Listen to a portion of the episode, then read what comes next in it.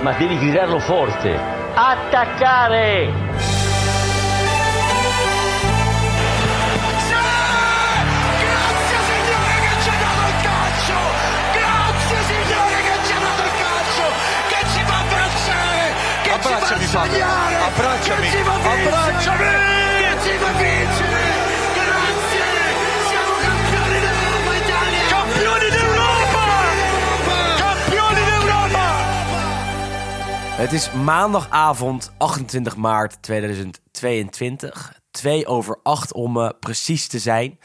En Wesley Victor Mak aan de andere kant van de lijn. En ikzelf, Willem Haak, zitten er weer klaar voor. Het is tijd om eh, de Italiaanse voetbalweek na te bespreken. De week waarin de Azzurri zich niet voor het WK wisten te kwalificeren. Verloren met eh, 0-1 van Noord-Macedonië. En nou ben ik daar meestal niet zo emotioneel onder. Maar Wesley, jij wel. ja, heel leuk joh dit. Ja, het, het, het, het, het- het- Ja. eh, ja. Maar, eh, hoe hoe gaat het met je? Misschien is dat de beste vraag aan het begin. Eh, ja. Hoe gaat het überhaupt? Of hoe, hoe gaat het? Ja, dus zeg het maar. ja, goed, überhaupt gaat het prima. Alleen ja, op voetballend gebied is het nu even wat, wat teleurstellend natuurlijk. Ehm, al moet ik wel eerlijk zeggen, ik had er sowieso niet heel veel vertrouwen in. Omdat je sowieso eigenlijk ging ervan uit dat je tegen Portugal zou moeten. Ehm, dus de kans waarvan ik dacht, ja, WK, gaan we dat halen of niet, eh, was al niet heel groot. Maar ja, ik ja, heb zeg je mij- we, we, we bij Italië? ja, tuurlijk. Ja? tuurlijk. Ja. Ja, volgens mij vorige week heb ik hier ook nog lopen zeggen dat van nou, dat Noord-Macedonië, als je, dat, als je daar niet van wint. Eh, maar goed, ja, nou dat is dus wel, eh, hè? nee, maar dat, dat heb ik ook lopen zeggen. En dat, eh, dat is hard afgestraft. nou ja, we hebben allebei de wedstrijd gezien. En ik denk de meeste luisteraars ook. En of die luisteren nu voor Schadenfreude natuurlijk. Dat kan natuurlijk ook nog. Dat mensen denken, oh ja, Italië heeft het niet gehaald. Italië werd Europees kampioen, gaat niet naar het WK. Ik ga nu er voor de, voor de verandering een keer luisteren naar die podcast over Italiaans voetbal. Even kijken wat de jongens erover te zeggen hebben. Ehm, maar in, eh, in, in, in hoeverre zou je zeggen dat het pech was tegen Noord-Macedonië? Eh, natuurlijk 90, lang, 90 minuten lang de, de betere ploeg geweest. Veel kansen gecreëerd. In de 91ste minuut scoort eh, Noord-Macedonië de eh 0-1. Of later nog zelfs, Trajkovski. Het was een eerste schot eigenlijk. Het eerste schot op doel. Is het dan pech of is het eh, vooral kwalitatief Ja. tegenvallend? Ja, ik, het, het is lastig en dat is natuurlijk ook gewoon sowieso wel iets wat, ja, het ligt gewoon heel dicht bij elkaar, heel veel dingen natuurlijk, weet je. Want ze hebben in die kwalificatie geen wedstrijd verloren, twee keer tegen Zwitserland de penalty gemist. Ja, als je die, als je die twee ballen Jorginho er allebei inschiet, dan, is, dan, ja, dan, dan sta je gewoon vier punten boven Zwitserland minimaal. En dan ga je gewoon heel makkelijk twee vingers in de neus naar het WK toe. Ehm, Maar je speelt ook gelijk tegen Noord-Ierland en tegen Bulgarije. Dus, dus dat is wel de kritische noot er direct bij, eh, los van de pech dan. Ja, nee, dat klopt. En het was zeker vooral natuurlijk die periode na het, eh, het gewonnen EK dat natuurlijk wat minder ging. Want die, die kwalificatie die liep natuurlijk al een tijdje daarvoor ook. Eh, maar eigenlijk vooral inderdaad ja, die eerste twee, drie, vier wedstrijden na die, eh, ja, de zege natuurlijk, die wel nog heel mooi was. Want we moeten niet vergeten dat ze natuurlijk acht maanden geleden gewoon Europees kampioen zijn geworden. Ehm, maar goed, ja, die eerste paar wedstrijden na het toernooi, dat was eigenlijk gewoon dramatisch. En daar heb je het uiteindelijk laten liggen. Maar ook de, eerste tegen... twee, even- de eerste twee na-toernooi eh, waren eerst tegen Bulgarije thuis en daarna tegen Zwitserland. Thuis tegen Bulgarije werd het 1-1. Eh, was het een hele moeizame wedstrijd. Uit bij Zwitserland inderdaad 0-0 met een gemiste penalty van Jorginho. Eh, eh, laat je het daar dan inderdaad vooral liggen? Is dat het moment waarop Italië zich niet heeft gekwalificeerd voor het WK? Of zou je zeggen, ja, eh, het is echt die gemiste penalty van Jorginho thuis tegen, tegen Zwitserland? Of eh, dat gelijke spel bij Noord-Ierland, eh, waarbij het 0-0 werd en ze ook heel slecht speelden. Wat- is dan het moment waarop je zegt dat het misging? Is, is dat echt alleen maar die, die wedstrijd tegen Noord-Macedonië van vorige week? Nee, nee, nee. Ik denk dat het sowieso natuurlijk over een langere periode dat het natuurlijk niet, niet goed ging. Want als we eerlijk zijn op het EK hebben ze natuurlijk ook op een gegeven moment wel een beetje geluk gehad dat ze uiteindelijk in die finale terechtkwamen. En, en ik denk dat toen ja, door om verschillende redenen wel gewoon goed is gegaan. Eh, en, en dat ze uiteindelijk op die manier dan de titel hebben gewonnen. Maar inderdaad, ja, die eerste wedstrijd thuis, Bulgarije na het EK. Het leek alsof ze gewoon nog steeds met champagne in de benen voetbalden. Ja. En dan inderdaad, ja, twee keer Zwitserland, twee keer een penalty gemist tegen die gasten. Dat is natuurlijk ook gewoon, ja, dat maakt wel een wereld van verschil. Dat is gewoon zes punten of, of twee punten. Dus ehm, dat, daar hebben ze hem denk ik wel grotendeels laten liggen. Maar goed, ja, dan alsnog, je staat dan uiteindelijk in die play-offs. En je speelt dan tegen, met alle respect, Noord-Macedonië. Ja, maar, ja, en, en ja. ook daarin, want goed, je zegt het inderdaad ook net zelf. eh, Italië heeft eigenlijk de hele wedstrijd, of in ieder geval de eerste helft, die was wel heel go- goed. De tweede helft was het wel een stuk minder. Maar ik denk zeker voor rust, die hebben, het was echt bijna een wonder dat die niet met 2 of 3-0 de rust in gingen. Ja, vond je het zo goed de eerste helft? Ja, goed misschien niet, maar je zag wel dat, eh, tenminste in de eerste helft merkte ik in ieder geval nog wel de urgentie om in ieder geval vooruit te willen voetballen. Want ja, wat je zegt, Macedonië heeft, geen, heeft de bal bijna niet eens gehad, denk ik, in de Maar het is eerste ook helft. toch niet zo dat Italië toen, behalve de kans van Berardi, die voor open Nee, ze speelden geen kans op kans, eh, dat nee, niet. dat bedoel ik. Dus, dus ik dacht in de rust al, en, en, en ik, mijn glazen bol is niet fantastisch, dat, dat weten de luisteraars wel. Maar ik dacht wel in de rust, ja, het is eigenlijk helemaal niet zo goed weer. Het is eigenlijk best wel weer stroef. Eh, en Immobile eh, raakt, raakt geen bal. En het middenveld eh, creëert eigenlijk ook de kans niet. Alleen Verratti speelde daar zeker de eerste helft fantastisch. Ik had wel het gevoel dat het wel eens mis zou kunnen gaan in de rust, eerlijk gezegd. Of, of is Nee, het heel had- makkelijk praten nee, nee, nee, achteraf? Nee, op zich had ik dat ook wel. Vooral omdat we het nu natuurlijk de laatste weken ja, Ajax Benfica hebben gezien. We hebben Juve Villarreal gezien. Eigenlijk een beetje dezelfde uitgangspositie... waar natuurlijk eigenlijk dan de thuisploeg eh, een doelpunt moet maken. En de uitploeg het eigenlijk meestal ja, een gelijk spelletje wel goed vindt... en dan hoopt op een kans. En dat was eigenlijk ja, weer gewoon exact hetzelfde precies. scenario... als wat je, hier, wat je hier ook ziet. Dus maar dat is ook een manier. moment- Dat is Ja, ook een manier van, van, voetbal spelen. Dat is ook een manier van, van het resultaat halen. En je ziet inderdaad die drie wedstrijden die je net noemt. da- daarin zie je dat het dus wel loont. En, en dat is Het is eigenlijk echt de manier exact waarop... hetzelfde verhaal eigenlijk van, Ja. van alle drie die wedstrijden. Dat, En, dat, is, ja. dat is de manier waarop Italië het vaak heeft gedaan in het verleden. Ja, ook nog eens. Ja, nee, absoluut. En, en je ziet, ja, ik denk vooral dat Italië goed speelt. En dat was natuurlijk op het EK ook wel deels omdat ze niet zelf het spel hoefden te maken. Dat ze natuurlijk gewoon ja, op een gegeven moment een beetje konden, konden counteren. Eh, maar ik denk dat daar ook zeker de kracht van Immobile beter ligt. Maar je ziet, je ziet zeker als inderdaad een tegenstander zich volledig ingraaft, zoals die Noord-Macedoniërs het deden, dan is het gewoon ook heel moeilijk om eh, dat spel snel en verrassend vooral te verplaatsen. Want dat, het leek inderdaad op een gegeven moment helemaal nergens meer op. En zeker in de tweede helft ging die bal van rechtsbuiten naar linksbuiten zonder dat hij ooit ergens voor de goal kwam. En dan, eh, ja, het was meer een soort handbal wedstrijd geworden op een gegeven moment dat iedereen gewoon maar om het 16 meter gebied heen voetbalde, want het, ja, het leek echt nergens op. Noord-Macedonië heeft echt niks gedaan, behalve verdedigd. Ja, en, dan, en dat, dat zie je dan dus. En dan krijgen ze uiteindelijk een kans. Ja, en dan gaat hij er gelijk in. Nee, dat is dus, maar precies, maar dat is dus wel de tactiek waarvoor ze kozen, inderdaad. En daardoor staan zij in de finale tegen Portugal. Ehm, die, die wedstrijd is eh, morgen. Eh, het is, eh, ja, vanavond als de luisteraars. Ja, nou ja, en, en dan hebben we dus ook nog de oefenwedstrijd tussen Turkije en Italië. Allebei de afvallers. Nogal, eh, nogal belachelijk. Het werd direct na de wedstrijd bekend. Of na de. het beide was al bekend. Ja, het was op, ja, dat de verliezer nog een soort van troostfinale moest spelen. Ja, het is dus Ja. niet officieel ook onderdeel van die WK-playoffs. Alleen die vier landen die hadden dus met elkaar afgesproken van... nou, de verliezers spelen dan ook nog even tegen elkaar. Dan heb je in ieder geval nog een, nog een extra wedstrijd. Want je, speelt, je hebt toch een interlandperiode. Ja, maar waarvoor, joh? Als Ja, je, geen ja. idee. Joh. Maar waarschijnlijk niemand dacht dat ze uitgeschakeld zouden worden. Want het schijnt dus dat Portugal al had gezegd... als wij verliezen van Turkije en we gaan niet door... dan gaan we die oefenwedstrijd gaan we ook niet meer doen. Nee, Maar natuurlijk goed, bij. Italië hebben ze dus blijkbaar wel gedacht van... nou goed, het is in ieder geval een oefenwedstrijd... en het is nog wel belangrijk... dan misschien dan niet voor dit WK, maar wel voor de ranking natuurlijk... die dan weer invloed heeft op de kwalificatie en dat soort Ja, dingen allemaal. zo, maar, ja, ja, dus ja. die reden zullen ze uiteindelijk nog wel spelen. En ik denk dat het nu ook wel lekker is... zowel voor de... Goed, ja, veel spelers zijn intussen naar huis, geblesseerd... of hebben er niet heel veel zin meer in. Er Mhm. zijn er denk ik echt al negen afgehaakt... eh, die, er, die er natuurlijk afgelopen donderdag wel bij zaten. Ja, ze spelen met een B-team morgen. Maar goed, ik denk wel dat het wel, wel lekker is om in ieder geval voor de gasten die er nog wel zijn. En voor die jonge jongens die toch zijn opgeroepen en dan niet mochten spelen tegen Noord-Macedonië. Om dan toch nog even minuutjes te maken. Want Want dat was natuurlijk wel opvallend. Zaniolo niet bij de selectie tegen Noord-Macedonië. Skamaka ook niet. Twee namen die eh, Italië eh, nodig gaat hebben de komende jaren. Die absoluut gaan doorbreken ook bij het eh, nationale elftal. Kregen nu nog niet de kans. Is Mancini dan een zondebok? Is Mancini degene die het heeft verpest? Of, of zoek je het veel verder dan dat? nou, het is, ik, het, ik denk dat het wel lastig is om nu eh, één man aan te wijzen. En dat Ja, het maar dan dat ook deden de we man wel Nee, natuurlijk. En dat het ook de man is natuurlijk die, de, die ook wel hen Europese kampioen heeft gemaakt. Waarvan wel bekend is dat hij gewoon natuurlijk goed in de groep ligt. Eh, en het feit dat hij nog steeds daar zit is natuurlijk ook mede door de geluiden vanuit die spelersgroep die gewoon ook willen dat hij blijft. Ehm, dus ik denk dat het hier minder de schuld is van de bondscoach in ieder geval dan vier jaar geleden met die Ventura, die natuurlijk ook gewoon überhaupt nooit iets heeft bewezen na die ene keer dat hij misschien een goed seizoen had ergens. Maar die is wel als de duivel neergezet. En Mancini komt er wel goed vanaf. En, en dat is denk ik... Ja, maar goed, door- ik denk dat- Ja, maar ik denk dat- ik vind het terecht ja. ook, want het komt door het EK. En het zou super opportunistisch zijn om hem nu weg te sturen. Maar het verschil is zo groot. Ik bedoel, Ventura eh, is echt weggezet als een clown. Als iemand die eh, er niks van kon. En, en nou ja...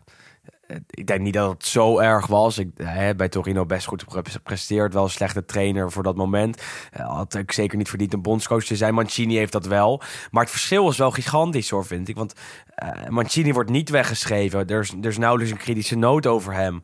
Eh, terwijl er toch best wel wat beslissingen verkeerd hebben uitgepakt. Ik bedoel, die, die twee wissels ook nog tegen Noord-Macedonië in de 89ste minuut. Waarbij Chiellini erin komt en, en João Pedro. Ja, ik, ik, ik wil hem ook niet wegzetten. Maar eh, zie jij nog wel toekomst met hem? Want ja, dat is, dat is natuurlijk ook lastig. Ja, goed, zoals het er nu uitziet, gaat hij in ieder geval wel blijven. Ehm, en ja, kijk, en dat vind ik, dat is natuurlijk sowieso een beetje het, het ding van wanneer ga je een trainer vervangen en moet je dat pas doen op het moment dat, je, eh, dat er een andere goede trainer beschikbaar is. En dat is natuurlijk ook in dit geval zal dat zeker meespelen. Want Nee, wacht, hier, hier heeft Juriaan in zijn column het over. Dus laten we even dat als, als inleiding voor dit Dat vind ik onderwerp dat vind ik een eh, mooie. erbij pakken. Juriaan van Wessem vanuit Monaco met zijn wekelijkse column. Dit keer natuurlijk over het Italiaanse nationale elftal.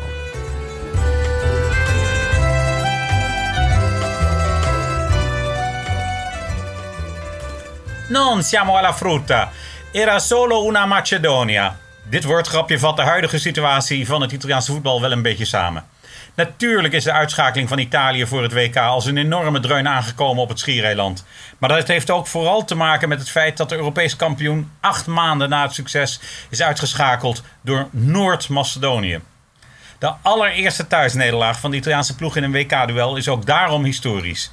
Italië is als laatste topland op aarde zijn ongeslagen thuisstatus in een WK-voorronde kwijtgeraakt. Toen Alexander Trajkovski in zijn voormalige thuisbasis opeens uithaalde en Italië naar de hel stuurde, moest ik wel spontaan denken aan een ander land met het begrip Noord in zijn naam.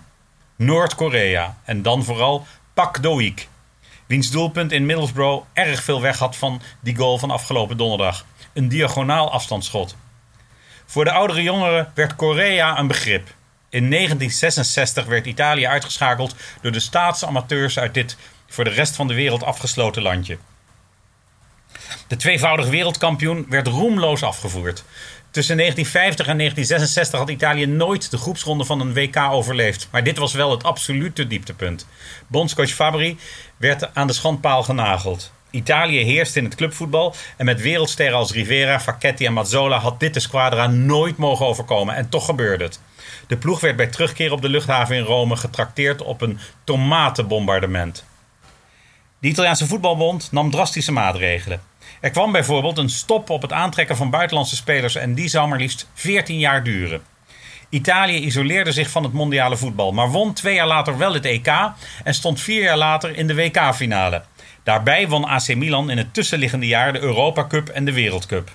Maar wanneer de squadra ook maar even een mindere dag had, scandeerde het publiek: Korea, Korea, Korea! En lagen bij wijze van spreken de tomaten alweer klaar. Het geeft maar aan hoe dicht succes en vernedering bij elkaar kunnen staan in het voetbal. Na de euforie van de Mondial 82 won Italië in het eerstvolgende seizoen helemaal geen wedstrijd, zelfs niet op Cyprus. En werd het roemloos uitgeschakeld voor het volgende EK. Ook toen mocht bondscoach Enza Bearzot blijven zitten. Al blijft het achteraf de vraag of dat verstandig was.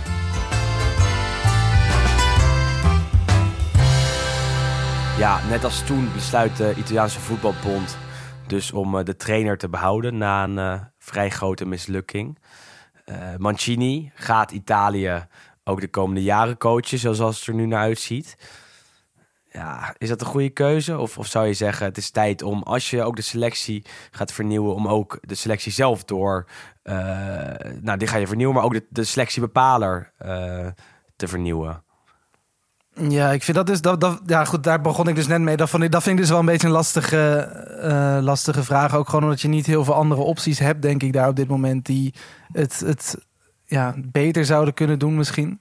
Cannavaro, Ehm. de Serbi misschien. Twee toch jongere trainers die eh, eh, misschien wel ruimte verdienen. Maar ja, is dat bij Italië? Eh, dat is natuurlijk ook weer de vraag. En goed, en dat is denk ik sowieso als bondscoach ben je natuurlijk veel meer manager dan trainer. Want goed, ja, met alle respect, je ziet die jongens iedere, nou wat is het, twee maanden, twee weken of zo. Ehm, dus eigenlijk als trainer, en ik denk zeker, en dat, is, dat zal vooral het nadeel zijn van, van de Zerbi, die, eh, die bij Shakhtar, eh, volgens mij, ik weet nog niet eens of dat, volgens mij is dat nog niet eens helemaal officieel. Wel bijna dacht Maar- hij dat hij daar gaat vertrekken, inderdaad. Dus Exact, zijn wel lijkt, lijkt, lijkt me logisch. Ja, ja. Ehm, nee, maar goed, ik denk, kijk, hij is natuurlijk echt een concepttrainer en iemand die echt heel erg veel waarde hecht aan eh, natuurlijk zijn, ja, zijn tactische elementen, maar ook gewoon zijn eigen spelprincipes. En ik denk dat dat wel heel lastig is om door te voeren in een nationaal team. Ehm, ik denk inderdaad vooral bij ja, ja, een, een, een, nationale ploeg moet jij gewoon iemand hebben die om kan gaan met al die spelers die ja, van alle hoeken van de wereld, van, van Europa komen. Spelers met verschillende statussen natuurlijk. toch een, toch een Nestor-achtig Ja, je moet meer daar gewoon iemand hebben die een beetje het overzicht kan houden. En gewoon iedereen op de juiste pad en de neus er de- dezelfde richting op. Ja. Want dat is eigenlijk ook als je kijkt naar de, naar de ja, weet ik veel, Joachim Leu is nou ook geen fantastische tacticus, maar is wel een goede bondscoach geweest. Ja, ja, Eh, natuurlijk ja. die, die gasten Del Bosque en Aragonés bij Spanje toen die Europees en wereldkampioen waren, ook geen fantastische tactici. Maar die hebben wel die tiki-taka Nee, tuur- daar erin eh, kunnen slijpen. En dat maar je goed, bij je gaat, me toch, je niet gaat me toch niet vertellen dat Vicente Del Bosque de bedenker is van de tiki-taka? Nee, dat zeg ik ook maar niet. dat is ook, nee, maar dat is ook gewoon. Die, nee, maar zij hebben gewoon spelers van Barcelona en die zien, hé, hey, dat voetbal werkt. Kijk, dan is dat makkelijker natuurlijk, denk ik. Maar Jij denkt niet dat de tactiek daar bepaald is door die trainers? Dat, natuurlijk is er wel tactiek, bepaald. Maar ik, ik bedoel, dat zijn wel andere types dan een De Zerbi. Ik denk ook niet dat Nagelsman of een, eh, ja, wie hebben we in Pepijn Leinders of zo een, bond, een goede bondscoach zou zijn, zeg maar. Snap je? Nee, dat is waar. Nee, ik ben het, wel met het, je het eens, verschil maar- is gewoon, denk ik, belangrijker dat je daar iemand hebt met ervaring. En dat heeft Marcini natuurlijk sowieso. Alleen je ziet nu ook bij, bij Van Gaal, bij het Nederlands elftal... dat er wel eh, sprake is van een tactiek, van een strijdplan. Ja, tuurlijk. Maar ja, ik, ik, heb, ik zeg dan niet dat er helemaal geen tactiek is. Nee, dat snap ik, maar Maar er daar is een moet verschil wel... tussen gewoon de, de basistactiek van een bondscoach en echt zo'n concepttrainer zoals we dat zo ja, noemen. nee, nee, nee, dat snap ik, dat snap ik. Maar ik denk dat, dat Mancini op dat gebied, op dat tactische gebied... nooit de sterkste trainer is geweest. En dat je dat ook eh, terugziet in de wedstrijden waarin Italië het lastig heeft. Ja. Eh, en dat- Maar goed, dat ja, dat dus op de, dus, ja, wat je zegt op de vraag of die vervangen moet worden, ik denk op dit moment van niet. Eh, maar goed, het zal natuurlijk ook vooral afhangen inderdaad van wat de toekomst gaat uitwijzen. En dat zal weer samenhangen met het feit eh, ja, welke spelers vertrekken er als international, welke spelers blijven er, welke spelers gaan helemaal stoppen met voetbal. Ja, als we dat even Eh, doornemen, want ja. dat is er best wel een rijtje namen waar er twijfels over zijn.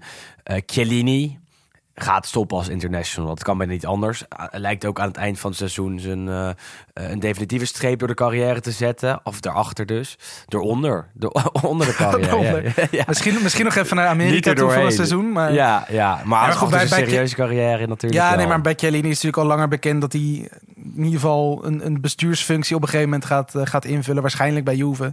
Ehm, en nu ook zeker met deze deceptie er nog bij. Want hij had toch een beetje ja, bijgetekend toen bij Juve met het oog. Dan kan ik in ieder geval nog het WK spelen. Mhm, mhm. Eh, maar goed, ja, het zou me inderdaad niet verbazen als hij dan nu zegt na dit seizoen van... hé, hey, ik stop ermee en ik ga naar Amerika om nog één jaartje ergens in het buitenland te doen. Of dat hij gewoon zegt, ik kap er helemaal mee en ik ga gelijk de, in, in mijn maatpak eh, de bestuurskamer in. En dat is dan het einde ook van zijn interlandcarrière. Ik denk wel per direct eigenlijk ook. Z- Zijn vriend in de verdediging, zeker de afgelopen eh, paar jaar, ook afgelopen zomer natuurlijk een fantastisch duo gevormd nog op het EK, is Leonardo Bonucci. Maar die wordt in de Italiaanse pers nog wel neergezet als, als leider van het nieuwe team. Eh, best gek, 34. eh, de afgelopen jaren, en jij kan het weten, niet meer fantastisch. Eh, ja, die wordt toch nog neergezet als, als iemand die erbij gaat zijn. Nou goed, hij heeft het zelf gezegd jaar. natuurlijk. Was, was, vanmiddag was natuurlijk de persconferentie waarop Mancini ook zei van... nou goed, we gaan in alle rust gaan we de toekomst bekijken. Wat natuurlijk wel een beetje ja, doorschemeren dat, Ja, ja. dat hij dus blijft. En Bonucci zei eigenlijk hetzelfde van... nou goed, ik weet niet wat Chiellini gaat doen... maar ik voel me in ieder geval nog ja, goed genoeg om, om hier te zijn. Ja, wat, Daar heb ik wel twijfels bij. Hij had ook nog rare uitspraken over de WK-cyclus en over het format van de kwalificatie. Eh, ja, hij zocht het niet helemaal bij zichzelf. Zei dat die goed, kwalificatie. speelde zelf ook niet. Nee, maar ja, eh, hij speelde wel in die, in die ja, kwalificatieduels. dus hij was er wel bij op het moment dat Italië zich niet direct kwalificeerde. Ja, Toen goed, en aan, toch, de eh, ene, ja. aan de ene kant snap ik zijn punt ook wel een beetje. Want Nou ja, zijn hij- punt hij- is dat, die, dat die cyclus heel raar is. Terwijl er in andere areas, op andere continenten, teams zich wel kwalificeren die vijf keer hebben verloren. Nou, nou. Ja, en- dat is ja. misschien ook een beetje het nadeel wat je hebt natuurlijk als je in Europa speelt. Dat het niveau Ja. natuurlijk al geheel hoger is. En dat je daardoor dus ook misschien iets minder grote teams op het WK krijgt. Of tenminste... Nou, niet dat- iedereen dat, kan gaan. Dat niet iedereen daar, na- daar naartoe kan gaan inderdaad. Eh, Het is, goed, het WK, het is het WK, niet het EK. Ja. Nee, goed. En aan de andere kant, weet je, het is natuurlijk ook makkelijk. Want goed, als hij had gewonnen van Noord-Macedonië, dan hoor je hem niet natuurlijk. Dus wat dat betreft, ja, een beetje Nee. hypocriet. Dus moet hij het ook niet doen, vind ik. En, eh, hij is natuurlijk ook wel een koning in zulke soort rare uitspraken of Heeft hij een van, situaties. Heeft hij een handje van. Ehm, Florenzi zal, ja, is nu ook naar huis. Kan er nog wel bij zijn, maar het zou niet verbazingwekkend zijn als hij ook bedankt. Eh, wie hebben we nog meer? Die, eh Insigne de natuurlijk die zijn? richting, Ja. eh, richting Canada gaat. Dus dat meestal betekent dat ook een beetje het einde van je, van je inter, ja, in, ja, interlandloopbaan. Absoluut. Nou ja, ja, het- echt het einde van je serieuze carrière in die zin, toch? Vaak wel. Die gaat rentenieren in Toronto met 10 miljoen euro netto per jaar extra op zijn rekening. En ik kan begrijpen, ja, met van die jongens als, als Immobile, ja, als jij toch een beetje het pispaaltje bent, ondanks dat jij gewoon in de Serie A ieder seizoen 30 goals maakt. Ik snap dan ook op een gegeven moment dat je misschien zegt van, nou jongens, weet je wat, het is goed zo. Ik heb vorige week nog een pleidooi gehouden waarom Immobile gewoon de eerste spits was van Italië of zou moeten zijn.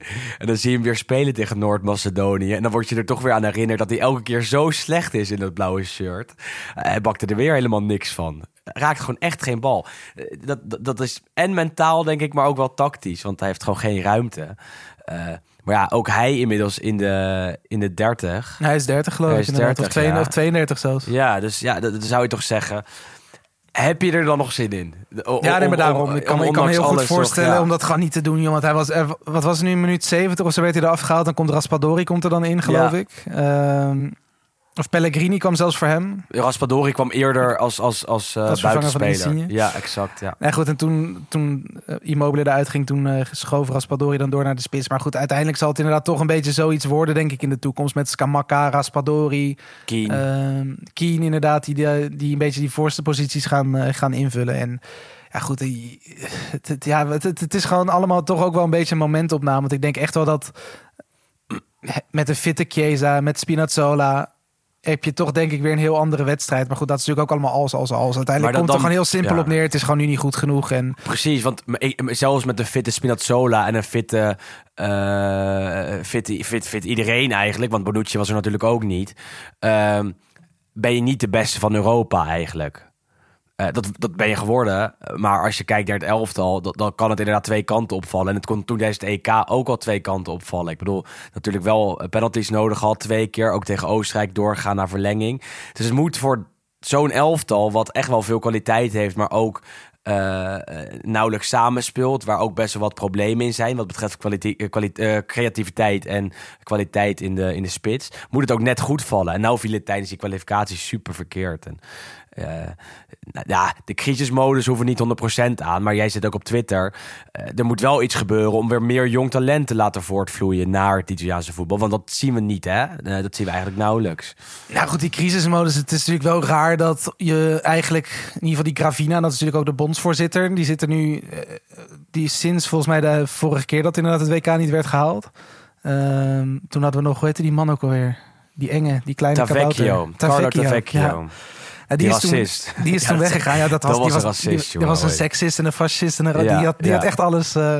maar goed, ja, ik, aan de ene kant snap ik dat ze niet volledig eh, alarmfase 1 gaan. Maar aan de andere kant je zou je toch zeggen dat er wel iemand verantwoordelijk gehouden moet worden voor een deel van ja, toch wel deze flinke deceptie natuurlijk.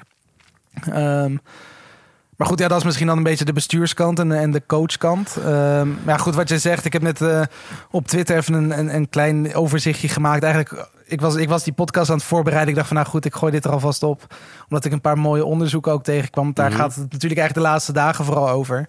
Ehm, dat niet alleen het feit is dat Italië zich niet heeft gekwalificeerd vanwege het gebrek aan kwaliteit, maar ook gewoon het feit dat het natuurlijk gewoon al best wel een oud team is. Eh, zeker natuurlijk met Chiellini, Bonucci, nou, In de 34, verdediging 37. vooral. Ja, ja. Je hebt natuurlijk jarenlang Buffon gehad, die natuurlijk intussen uh, hoogbejaard is. Um, en eigenlijk, ja, Jorginho eind, is, die is volgens mij 30 denk ik nu. Insigne 30, Immobile 32. Ja, het is toch wel een team op leeftijd. En het grote probleem lijkt vooral dat inderdaad de aanwas van de jonge talenten niet uh, groot is of niet groot genoeg is. En dat daar natuurlijk ook heel veel haken en ogen aan hangen eigenlijk. Ja, want die krijgen in de Serie A nauwelijks speeltijd. En dat is problematisch. Want ja, wie, hebben we nou de afgelopen jaren doorzien breken? ehm, waarvan we zeggen dat is echt fantastisch. Want Keen werd ook na het minste of geringst eh, verkocht hè, bij Juve. Toen kozen ze ook voor eh, meer ervaring. Wat op zich wel logisch is, want Juve moet direct presteren, en niet pas over een paar jaar. Eh, maar dat zie je wel vaak, hè? Dat, dat talenten even mogen ruiken aan het grote werk. Of, of dat niet eens, en gelijk worden verkocht. En dat is in Italië toch wel veel meer dan in Spanje. Of in, in, nou, misschien ook wel zelfs meer dan in Engeland. Want in Engeland zie je wel heel veel aanwas bij het nationale elftal. Eh, elke keer als ik het team van Engeland zie, zijn er toch weer onbekende namen die net zijn doorgebroken in de Premier League. En dat zie je in eh, Italië eigenlijk niet of nauwelijks. Eh, Zaniolo geldt nu al eh, drie, vier jaar als grootste talent. En hetzelfde geldt eigenlijk voor Tonali. En daarachter komt gewoon praktisch niks. Ja, Scamacca is nieuw, maar Raspadori. eh, maar verder valt het toch vies tegen. Nee, absoluut. En dat is natuurlijk een van de. Ja, je hebt, je gewoon een paar dingen die echt beter moeten. Eén is dat natuurlijk gewoon het feit überhaupt dat de jeugdopleiding, denk ik, gewoon het niveau daar omhoog moet. Ondanks dat je wel ook toch wat ploegen hebt de laatste tijd die, wel, die wel gewoon goed presteren. En eh, goed, ja, je hebt Juve in de Youth League staat nu bijvoorbeeld in de halve finale. Je ziet toch ook bij Roma af en toe wel wat spelers invallen. Die Bove en Zalewski, eh, die spelen daar dan wel. En zeker natuurlijk bij, ja, waar Scamacca en Raspadori natuurlijk allemaal vandaan komen. Bij Sassuolo. En de iets kleinere clubjes, met alle respect, zie je dan toch wel dat daar wel wat wordt ingezet. En Polive ook vooral. Eh, maar ook gewoon, dat is dus ook punt twee. Dan moet je dus ook een trainer hebben die talent de kans wil geven en durft Mhm. te geven. Ehm, en dat zie je dan in, inderdaad bij bijvoorbeeld de Zerbi, maar ook bij Andreazzoli nu bij, bij Empoli, eh Dionisi bij Sassuolo. Op dit moment zie je dat dat gewoon trainers zijn die het aandurven. Ehm, en dat is En denk ik met een heel-? En met Dat ja, presteren allemaal. En ik, ik denk dat als je met een jonge ploeg aanvallend wil voetballen in de Serie A... dat je een goede kans maakt op succes. En eh, dat heeft Sassuolo bewezen de afgelopen jaren. Dat is Empoli aan het bewijzen. Eh, en, en dat zal de top moeilijker zijn. Dat begrijp ik echt wel. Ik begrijp dat Juve nu kampioen moet worden. Ik begrijp dat Inter zich nu voor de Champions League moet kwalificeren. Eh, en eigenlijk ook kampioen moet worden, hè, als we eerlijk zijn. Eh, maar, maar kijk naar Milan. En bij Milan krijgt toch talent wel iets meer de kans. En, en, en daar zie je toch eruit komen. Dat zijn er niet per se alleen maar Italiaanse talenten. Maar Eigenlijk helemaal niet. En dat is, daar, dat is natuurlijk stapje twee. dat je natuurlijk ook nog inderdaad mede door... als je dat niveau van je jeugdopleiding op kunt krikken... dat je daardoor hopelijk dus ook goede Italiaanse talenten krijgt. Want je, je noemt inderdaad heel terecht Milan als een van de ploegen... die natuurlijk wel een heel... of tenminste een, een, een, een lage gemiddelde leeftijd heeft. ja, Alleen dat is natuurlijk ook met Kalulu, Fransman Theo, Fransman Tomori... Canadese Engelsman. Eh, je hebt eigenlijk alleen inderdaad Tonali die met 21, eh, ja, denk ik de jongste Italiaan is in de Serie A die gewoon alles speelt praktisch. nou ja, en we mogen Donnarumma daar ook niet vergeten. Want Nee, in oké, alle, ja. eerlijkheid komt hij er natuurlijk ook gewoon Ja. vandaan. Nee, precies. Maar goed, en, maar dat, dat is dan inderdaad Milan die natuurlijk ook dat een beetje gebruikt hebben natuurlijk de laatste jaren om weer van ja, plek 8 naar nu plek 1 te gaan. Calabria ook niet te vergeten. Alleen die zat nu niet bij de selectie. Eh, wat ook best gek was, misschien. Hè, ten opzichte Ja. van Florenzi. Toch Calabria de basisspeler. Florenzi de bankzitter. Ja, toch werd Florenzi opgeroepen op basis van zijn ervaring bij de nationale ploeg. Ja, dat zegt natuurlijk ook iets. eh. En, en, dat- dat, en dat is dat is- de durf. Ja, maar dat is, het is denk ik vooral de durf. Want dat is, eh, ja, Allegri is natuurlijk echt een van de, ja, toch wel meest ouderwetse. Zo hebben we eigenlijk dit seizoen al genoemd. Alleen dat, ja, dat- is natuurlijk ook wel iets wat hij eigenlijk zijn hele leven praktisch meedraagt. Dat hij gewoon zo pragmatisch is en zegt van nou, ik ga gewoon voor de, de beste optie voor nu. Echt met nul oog voor de toekomst. Ehm, en een van de dingen die hij natuurlijk, dat wat vooral opviel, is dat hij ooit natuurlijk heeft gezegd van nou, als jij een jong talent bent, moet je eerst in de Serie C gaan spelen. Dan moet je veel wedstrijden gaan spelen in de Serie B. Dan moet je naar de onderkant van de Serie A. Dan eigenlijk liefst nog naar een tussenstapje naar een middenmotor. En als je dan laat zien dat je Juve aan kunt, dan krijg je een keer eventueel een kans bij Mhm. Juventus. Maar goed, ja, daar is het dus, als je dit proces noemt, dan ben je waarschijnlijk al vijf jaar verder. Dus ieder talent van 18 denkt van ja, ik ga niet nu vijf jaar lang op een lager niveau voetballen, zodat ik misschien op mijn 23ste een keer bij Juve Nee, zo is krijg. het. En dat is problematisch. Aan, aan, aan de andere kant, eh, ben je in Italië eh, nog steeds talent als je 25, 26 bent? Ja, maar dat is juist dat, dat, dat is het gevolg. probleem. Dus Ja, dat nee, is het aan gevolg dan, kant. want- Nee, want dat is natuurlijk, ja, dan krijg je dus inderdaad dat een speler op, die drie, op zijn 23ste wel een keer zo'n kans krijgt. En dan is het, oh, nieuwe speler, jong, pas 23, wat een toptalent. Nee, en dat, ik ben- ook- en dat slaat natuurlijk ook zo. helemaal nergens op. Want wij lachen ons natuurlijk ook in kriek als, als we inderdaad dan Spinazzola een talent genoemd worden. Ja, terwijl die man afgelopen EK was hij 28, geloof ik. Ja. Maar ik bedoel meer te zeggen, als je op het middenveld kijkt, dan, dan zie, kijk je naar de leeftijden van bepaalde namen. Barella 25, Locatelli 24, Pessina 24, Tonali 21. Eh, in de aanval Raspadori 22, Scamacca 23. In de verdediging Bastoni 22, eh, keeper Donnarumma 23. Dat, dan zijn er toch wel namen die eh, de afgelopen tijd iets door zijn gebroken. En is er toch wel iets aan was. Alleen het moet nog meer, want Mancini heeft niet de keuze zoals je bij andere landen wel heeft. Als ehm, Luis Enrique bij Spanje niet over eh, Gavi kan beschikken, is het wel Pedri. Ehm, eh, nou, help me even, wie hebben nog meer eh, daar allemaal, allemaal Nee, maar goed, maar, dat is denk ik het, het mooiste voorbeeld. want je hebt, maar je hebt Pedri is 19 jaar, Gavi is 17, Ansu Fati bij Barcelona is ook volgens mij 18 of 19 nu. Exact. Dat zijn dat ja, kijk, je mag misschien dan La Masia niet vergelijken met de jeugdopleiding van Italië, want in Italië is gewoon ja, historisch gezien ook wat minder eh, nadruk heeft daar gelegen op de jeugdopleidingen, maar het is toch inderdaad wel opvallend dat ook vaak als je wel dan de verhalen hoort of de beelden ziet van jeugdspelers uit Italië en zeker dan bij grotere ploegen, dat ze ondanks dat die het gewoon heel goed doen, echt gewoon geen kans krijgen. Want het feit dat zo'n Zaniolo bij Inter in de Primavera een van de beste spelers was en geen kans krijgt. En dan gaat hij naar Ja, Roma en dan krijgt hij daar wel de kans. Dus is wow, wat een speler. Ja, absoluut. En dan is, dan is iedereen gek bij Inter geweest dat ze eh Zaniolo hebben weggedaan. En eh, dat, dat zijn ze ook geweest. Want eh, kijk naar hem en hij geldt nog- steeds als, als het nieuwe... Of ja, niet eens het nieuwe, maar als het grote talent dat Italië moet gaan dragen. Ja, absoluut. En dat is natuurlijk wel iets, denk ik juist, dat je dat soort ja, voorbeelden ook echt als een soort eh, ja, leidraad, denk ik, moet nemen voor je jeugdopleiding. Want hij heeft nu dus wel dus laten zien dat hij heel makkelijk van de Primavera van Inter naar de Serie A bij Roma Ja. kan. Zonder eigenlijk enkel, geen enkel probleem. En hij is nu international. En hij is, geldt als een van de grootste talenten van het land. En Precies. het, en, het, en, het en is gewoon gek dat crux. niemand dus ook niet bij die topclubs dan inziet van... hey, bij Sassuolo lukt het met jonge spelers. Bij Empoli lukt het met jonge spelers. Jonge spelers die naar andere ploegen gaan, daar lukt het ook. Waarom durven ze het dan zelf niet? Je moet zo uitzonderlijk goed zijn om die kans te krijgen. Ja, blijkbaar. Dan maar- lukt het. Want Ja. Donnarumma brak wel door toen hij 16 was. En Bastoni is nu ook al twee jaar centrale verdediger eh, bij... ehm, nou, over die periode het beste team van Italië.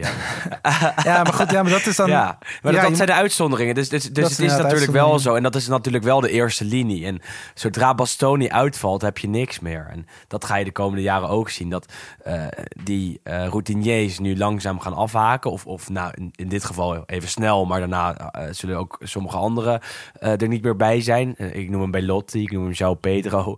Die natuurlijk pas net erbij is.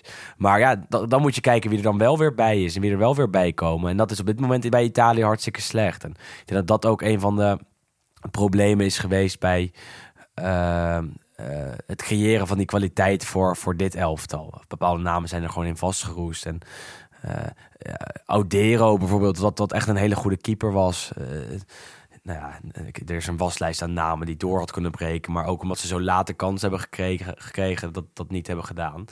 Eh, dus we hebben eigenlijk een, een, een meervoudig probleem, hè? Een, een, een, meerledig probleem bij Italië.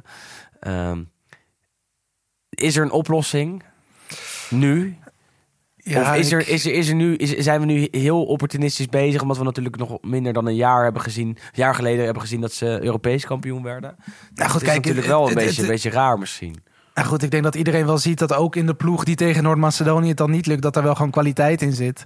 Ehm, alleen ja, ik denk dat het vooral belangrijk is dat je eh, toch ook blij, ja, wat, je, wat, we, wat we ook zeggen, gewoon blijft doorselecteren om ook gewoon te zorgen dat het niveau eh, goed genoeg blijft.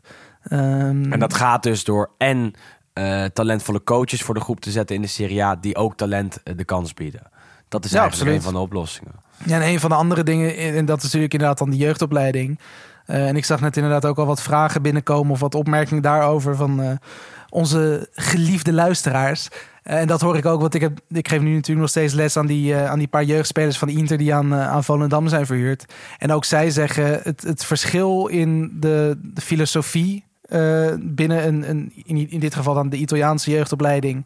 Dus de jeugdopleiding van Inter en de jeugdopleiding van Volendam is gewoon de focus ligt volledig anders. Want waar in Italië er eigenlijk alleen de nadruk ligt op ja, formatie, tactiek. Ja. Hier moet je lopen, daar moet je lopen. Terwijl er hier in Nederland, en goed, als Nederland is natuurlijk ook een beetje een uitzonderingspositie misschien. Maar dat hier vooral de focus ligt op wat doe je met de bal, techniek. Eh, inderdaad alleen maar partijtjes, alleen maar paasoefeningen, alleen maar trapoefeningen. Eh, en die gasten vinden dat fantastisch, want die zeggen ook van ja, in Italië, wat doen, wat doen we daar? We zijn aan het rennen de hele tijd en we doen looplijnen en tactiek en dit en dat. Maar dat is ook de kracht Maar van het Italiaanse voetbal. Dat is ook wel de kracht. Alleen ik denk dat op een gegeven moment als je nu ziet dat, het, ehm, ja, dat je toch te- tekort schiet van landen die toch inderdaad veel meer de nadruk ook leggen op, op, op eh, inderdaad meer het balbezit voetbal. Eh, wat, wat je natuurlijk Duitsland is natuurlijk ook een soort van tiki-taka gaan spelen eigenlijk. Eh, Spanje doet dat natuurlijk al langer. En zelfs bij Engeland zie je inderdaad jeugdteams gewoon heel mooi verzorgd voetbal spelen vanuit balbezit. Ja, dan is het toch een beetje achterhaald om, om nog steeds vast te houden aan dat ouderwetse. Nou, ja, Catanaccio is het niet meer, maar ja, toch nog wel een beetje het, het, Uber het, tactische spel. Ja, het, het, reactieve spel eigenlijk. Ja, ja. Ja, ik, vind het zo moeilijk. Ik- ik denk dat er heel veel mis is met het Italiaanse voetbal. Ook bij de club zelf natuurlijk. Eh, misschien wel op de eerste plek. Eh, Zelfs als er geen geld is, dan wordt er alsnog eh, een- een spits- nou, bij Inter een spits van Genoa gratis gehuurd die niks speelt. In plaats van dat er een talentenkans krijgt. En dat zie je gewoon te vaak. Denk dat dat zijn invloed heeft. Maar ja, eh, het is zo moeilijk. Dat ik eigenlijk ook al in de aanloop, eh, of eigenlijk eh, rondom die, die play-offs en, en, en nadat ze zich niet voor de, WK hadden gekwalificeerd in die pool. Ja, ze zijn net Europees kampioen geworden. Eh, Dat, die tegenstelling is zo groot. Dus elke kritiek voelde bijna als opportunistisch en als... ehm, ja, als, ja, nou god, eh, waar we nou kritiek op, weet je wel? En eh, ja, nu is er weer een reden om wel eh, alles aan te pakken en, en te kijken wat er weer beter moet. Want dat was er tijdens het EK ook al, laten we eerlijk zijn. Het is niet iets wat het afgelopen half jaar is ontstaan. Dat de Italiaanse jeugdopleidingen beter moeten, dat de jeugd meer kans moet krijgen. en dat er meer eh, durf moet zijn in het Italiaanse voetbal. Nee, sterker nog natuurlijk gewoon als je kijkt alleen al naar de... Ja, los van dan de gewonnen, eh, gewonnen EK-finale. Als je kijkt naar de WK's in de tussentijd bijvoorbeeld. 2006 word je wereldkampioen. 2010 word je volgens mij vierde in de pool onder Nieuw-Zeeland. 2014 word je derde in de pool onder Costa Rica. 2018 ga je niet naartoe, 2022 ga je Daarom. niet naartoe. Dus dat, het is inderdaad ook gewoon al veel langer een, een, een probleem. En het is dan op een gegeven moment een klein beetje gemaskeerd natuurlijk doordat het ja doordat je op een gegeven moment ja het, je hoeft natuurlijk toch wel een, een hegemonie niet per se in Europa natuurlijk wel gewoon een eh, grote Ja, een grote grote club, club. nog steeds EK-finale 2012. EK ja dus er zijn gewonnen, inderdaad echt wel wat, wat, 21. wat dingen goed gegaan alleen ja het is toch over de over de gehele linie is het eh, ja toch wel toch wel dun en en inderdaad vooral op op basis van topspelers die je aflevert als als land zijnde Eh, ja heeft Italië ja, in vergelijking met bijvoorbeeld een Duitsland of een Spanje of een Frankrijk of een Engeland gevoelsmatig toch ja, blijft dat toch wel flink achter. Het wordt tijd dat Pieter Zwart een boek gaat schrijven over het Italiaanse voetbal. Ja, die is er. Hè. Er is een eh, het ja, niet, het eh, einde van het Italiaanse voetbal heet niet die, Pietro? Nero, maar eh, iemand die eh, ja, hoe, hoe, hoe heette dat zo? Ja, het, het, het- volgens mij heet het boek Het einde van het Italiaanse voetbal. Ja, zoiets hè. En volgens mij, eh, even kijken voor onze... Het is wel een redelijk moeilijk boek hoor. Dus voor onze luisteraars die eh, Italiaans kunnen lezen... zou ik het doen van Marco Bellinazzo. Ehm, goed boek. Wel, wel moeilijk. Ik vond hem wel pittig hoor, om te lezen eerlijk gezegd. Eh, maar daarin wordt het hele Italiaanse voetbal ontleed. La fine del calcio italiano is Ja, het. exact. Ja, die bedoel ik. Dus ja, precies. Dat is de dus, Italiaanse Pieter Zwart variant van de val van Oranje.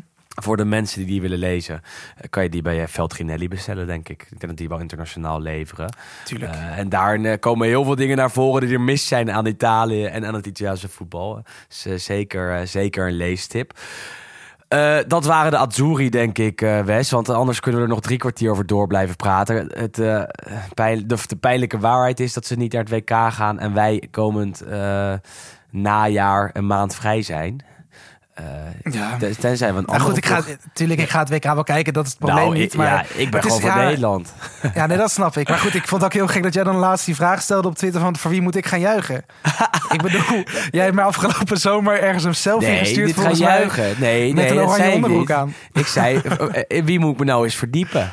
Eh, op die want ja, mijn selling point, unique selling point, Was dat met twee- jou en twee ijzers in het is dat ik twee ijzer, ijzer in het vuur heb. En eh, dat je over Italië nog professioneel wat kan doen. En met Nederland dat is dat waar. natuurlijk niet zo met al die... eh, al die bondscoaches en al die mensen die het nog veel beter weten. Bij Italië is dat misschien ook zo. Alleen hebben wij er wel een podcast over. En eh, kijken wij elke week naar alle wedstrijden. En zien wij, eh, nou ja, João Pedro al... eh, hoe, ja, hoe lang zien we die eigenlijk al aan de slag? Echt al jaren. Nou, toch al een jaar of zes, denk ik. eh, Ja, dus, ja zoiets. Zoiets? Dus ja, nou ja, dan had ik nog wat kunnen vertellen over João Pedro. Maar ja, dat is nu niet meer... eh, daar is nu geen sprake meer van, Wes, helaas. Maar eh, misschien, misschien als jij dan... Goed, want jij zit natuurlijk sowieso wat meer in de televisiewereld en de radiowereld tegenwoordig. Maar als jij dan gewoon een heel erg obscuur klein niche-land... dan kun je wel ook makkelijker nou, misschien kijk, zeggen dat jij dan de... Of een nieuwe ja. podcast, hè? Eh, Willem op zoek naar een WK-team. En dan gewoon al die landen eventjes langs. Nou, best leuk. Ik, zie dat, ik, ik zag vandaag dat de Solomons-eilanden nog steeds in de race zijn. Nou, precies. Maar goed, dan, eh, iemand met, iemand die daar vandaan komt, kan je echt wel een leuke podcast. Of ik ga daar zelf heen. Dat, dat Tuurlijk, wordt moet er wel een flink budget zijn bij, eh, bij onze, onze productiemaatschappijen. Nou ja, allemaal prima. Dit weekend hebben we weer Serie A natuurlijk. Eh, die gaat gewoon door. Die gaat gewoon door. Gelukkig maar, want eh, dat eh, verlicht het, eh, ja, humeur in Italië een klein beetje natuurlijk. We komen langzaam aan bij de ontknoping. Volgens mij is er hierna dus interland, geen interlandbreek meer. Dus we gaan gewoon naar de acht speelrondes kijken... waarin we gaan zien wie de Scudetto pakt... wie zich voor de Champions League kwalificeert... wie gaan degraderen. En aankomend weekend is er gelijk een eh, fantastische speelronde. Want zondagmiddag om drie uur Atalanta-Napoli... zondagavond kwart voor negen Juve-Inter... En Milan is eigenlijk de lachende vijfde, want die spelen op maandagavond tegen Bologna in eigen huis. Waarvoor er al heel veel kaartjes zijn verkocht. Eh Italiaanse capaciteit is weer verhoogd naar eh, gewoon 100% gelukkig. Wat ook wel de sfeer zal goed komen in de laatste fase van de competitie. Ga jij zondag dan de hele dag vrijmaken en eh, beginnen met Fiorentina Empoli, door met Atalanta Napoli, Samp Roma en dan de kraker Juve Inter eh, kijken? Ja, ik weet niet of ik dat er hier thuis doorheen krijg. Maar dat is toch wel een beetje mijn uitgangspunt eh, Ja, voor, ja voor dit weekend. ook. Fiorentina speelt is- vaak om half één trouwens ook, zeg, op zondag. Maar goed. Ja, misschien is dat, is dat niet heel erg handig voor hun Amerikaanse... Oh Kijkers? ja, dat zal er vast mee te maken hebben, inderdaad. Nee, het is zeven uur vroeger, denk ik, hè, in Amerika over het algemeen. Tenminste, in de, aan de, aan, Oh ja, aan dus de oostkust. Dus ik denk dat het net... Nou, geen idee eigenlijk. Het is echt al, echt al de, de, voor mijn gevoel echt al de, de zesde, zevende keer dat zij thuis om half één spelen op de zondag. Maar goed. Ja, klopt. Maar ja, dat is niet de kraker, want eigenlijk eh, is de, de, de, de, de topadvies van de wedstrijd gewoon Juve Inter natuurlijk. Ja, en, eh, ja goed, wat, wat gaan we erover zeggen? Nog meer Jij dan dat? tegen mij. Ja, daar komt het uiteindelijk wel op neer. Het is, het is toch een beetje de broedertwist. eh, ja, absoluut. Sowieso ook die, die van Italië. Want dat zijn natuurlijk historisch gezien toch ook wel de twee grootste, eh, grootste meest succesvolle ploegen. Het is niet voor niks natuurlijk de Derby d'Italia. Ehm, ja, en, en op, ja, zeker op dit moment met de ja, vrije val wil ik niet zeggen waar Inter in zit. Maar toch in ieder geval de, iets mindere, Je mag de iets mindere periode.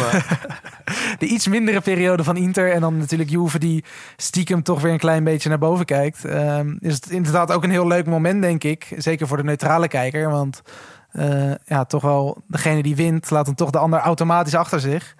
Ehm, ja, met Ja, het het verloop. is- en zeker natuurlijk ook wel- met het oog op, op Milan die maandag in, in actie komen. En natuurlijk Napoli die er ook nog eh, in de buurt staan. Ja, het wordt een eh, interessante speelronde, de- op op zijn zachtst gezegd. Misschien wel het weekend waar Milan de Scudetto pakt. Ja, is dat heel vor- kort door de bocht? Vorige week zeiden we natuurlijk wel dat het een sleutelduel kan zijn. Ik denk dat we daar Ja. gewoon lekker bij moeten blijven. Want Nou, ik denk, kijk, ik, eh, want als je het. Milan speelt op maandag. En die weten dus precies wat er bij Atalanta Napoli en Juve Inter is gebeurd. Nou ja, dat kan heel goed voor ze uitpakken. Want Napoli mist natuurlijk een aantal basiskrachten. Osimhen geschorst. Eh, en nog een paar andere die eh, basisspelers die er niet bij zijn. Dan gaat het echt wel eh, eh, heel moeilijk worden op bezoek bij Atalanta. Atalanta dat de laatste tijd heel wisselvallig is, maar altijd goed is tegen de topteams. Eh Ramani er ook niet bij bij, eh, bij Napoli. Die Lorenzo geblesseerd natuurlijk. Maar ga er maar aan staan hoor. Tegen TK7. ja, het is... eh, ja, maar goed, weet je. Kijk, aan de andere kant, ik denk ook Milan is misschien de druk niet gewend. Ja. Eh, want dat zag je natuurlijk ook wel, de, was dat een week of drie, vier geleden, dat dan had volgens mij Inter had toen net punten verspeeld toen die Nee, ook nog echt, of andersom. Maar in ieder geval ook al een paar keer voorgekomen dat dan Milan juist kan inlopen en dat het dan ook niet lukt. Dat is toen natuurlijk, wat was het, tegen Salernitana en tegen Udinese volgens Ja, mij twee keer op rij eh, puntverlies leden. Ja, dat is natuurlijk ook wel een van de dingen ja, waarvan je misschien kunt zeggen dat dat het, het, het nadeel is van het feit dat Milan natuurlijk een tijdje niet in de top heeft gespeeld, zeg maar. Ja, dat is waar. Ehm, dat dan toch misschien de druk en de verwachtingen. Natuurlijk zeker als de fans er straks nog meer achter gaan staan. Want ja, hoe, hoe, hoe langer je op één blijft staan, natuurlijk hoe hoger ook die verwachtingen eh, worden. En dat ze dan misschien toch een keer ja, door de mand zakken of daar niet mee kunnen, kunnen kopen. En dat dat dan misschien dan nog het voordeel kan zijn van iets ervarenere ploegen zoals, eh, zoals Inter. Ehm, ja. ja, maar jij moet de dag eerder bij Juve toch, toch zien te winnen. En dat, dat doen ze echt in de competitie al jaren niet meer. Eh, De laatste keer dat dat lukte eh, was met Diego Milito in 2012. Toen werd het 1-3. Eh, dus ja, ik wacht al tien jaar op een zegen in Turijn, Wes. Ja. Tien Ja, jaar. goed, wacht nog maar iets langer hoor, jongen. nou ja, dus dat wordt een mooi weekend. En we hebben ook nog Samp Roma. Ooit de wedstrijd waarin Francesco Totti een fantastische goal maakte. Een van de mooiste goals die ik ooit heb gezien in eh, de Italiaanse competitie. En Over Totti gesproken, die is vandaag 29 jaar geleden gedebuteerd. Nou, dat is toch mooi dat we die weer even noemen in de podcast. Cirkeltje Dat was weer, het was weer een tijdje geleden natuurlijk. Eh, en zaterdag is er ook Serie A voetbal. Lazio Sassuolo nog leuk om 6 uur. Maandag dus Milan Bologna.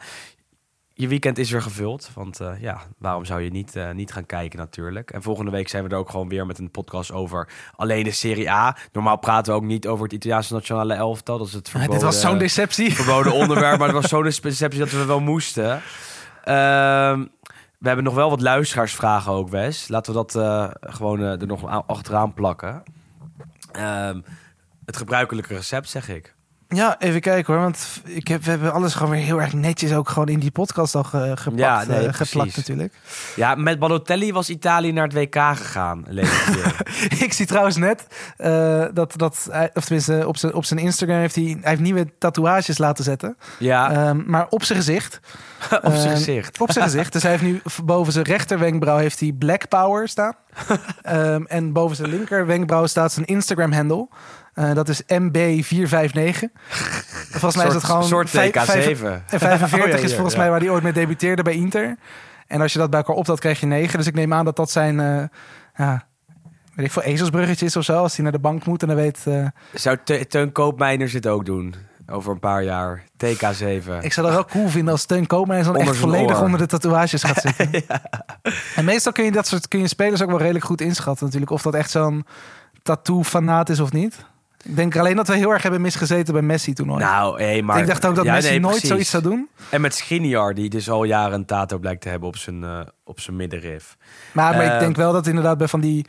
Wil ik ook niet iedereen over één kam scheren. Maar volgens mij iedereen die van de Balkan komt... Ja, al die Moet, volgens, mij moet, je- volgens mij wel. moet je dan ergens op je lichaam moet je een adelaar hebben staan. Want Maar, maar over die stelling dat, dat Italië met Balotelli naar het WK was gegaan... Ja, ik ben het daar niet mee eens, maar dat, Nou jij ja. Het Ja. is, het, het is, dat, dat is ook opportunistisch. Ik denk gewoon...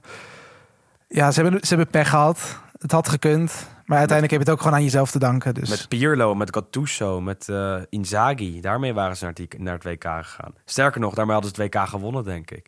Ehm, heb jij nog vragen? Ik heb nog hier nog wel...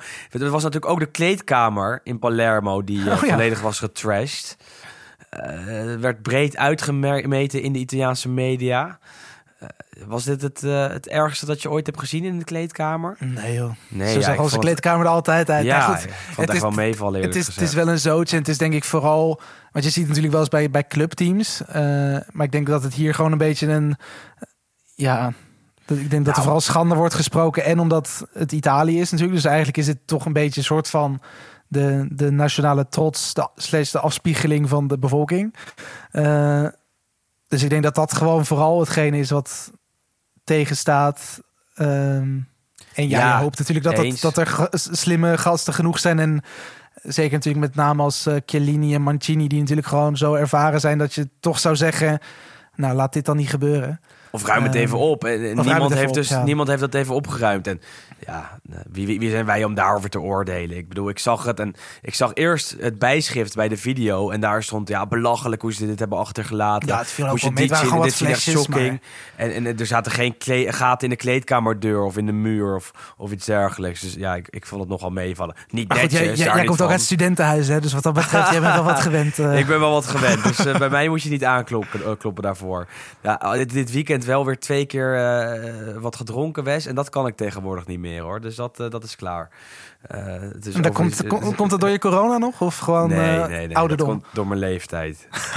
Over de helft van de twintig tegenwoordig. Dus ik zit er niet helemaal fit. Eh, vorige week ook al niet. Vorige week kwam het door corona. Vandaag door mijn maandag, eh, maandag blues. Ehm, ja, god Wes, ik heb geen vragen meer eerlijk gezegd. Nee, we zijn Eh, uitgeluld. eh, nee, we zijn uitgeluld. Schoon aan de haak. Gewoon weer 48 minuten plus eh, de column van Juriaan van Wessem. Dus dan komen we uit op eh 55 ongeveer. Fantastisch. Voor het uurtje in de auto van, eh, van en naar je werk bijvoorbeeld. Ehm, nou, natuurlijk bedankt aan Friends of Sports en FC Afkikken voor het produceren van deze podcast. En aan Harmen Ridderbos, die zoals iedere week ook deze aflevering weer heeft gemixt. Eh, zorgt voor de goede audio en daar zijn we hem hartstikke dankbaar voor. Ook dankbaar zijn aan jullie. Bedankt voor het luisteren. Leuk dat je deze podcast hebt uitgeluisterd. Eh, hopelijk blijf je hangen als je nu een keer hebt geluisterd omdat Italië het eh, niet heeft gehaald.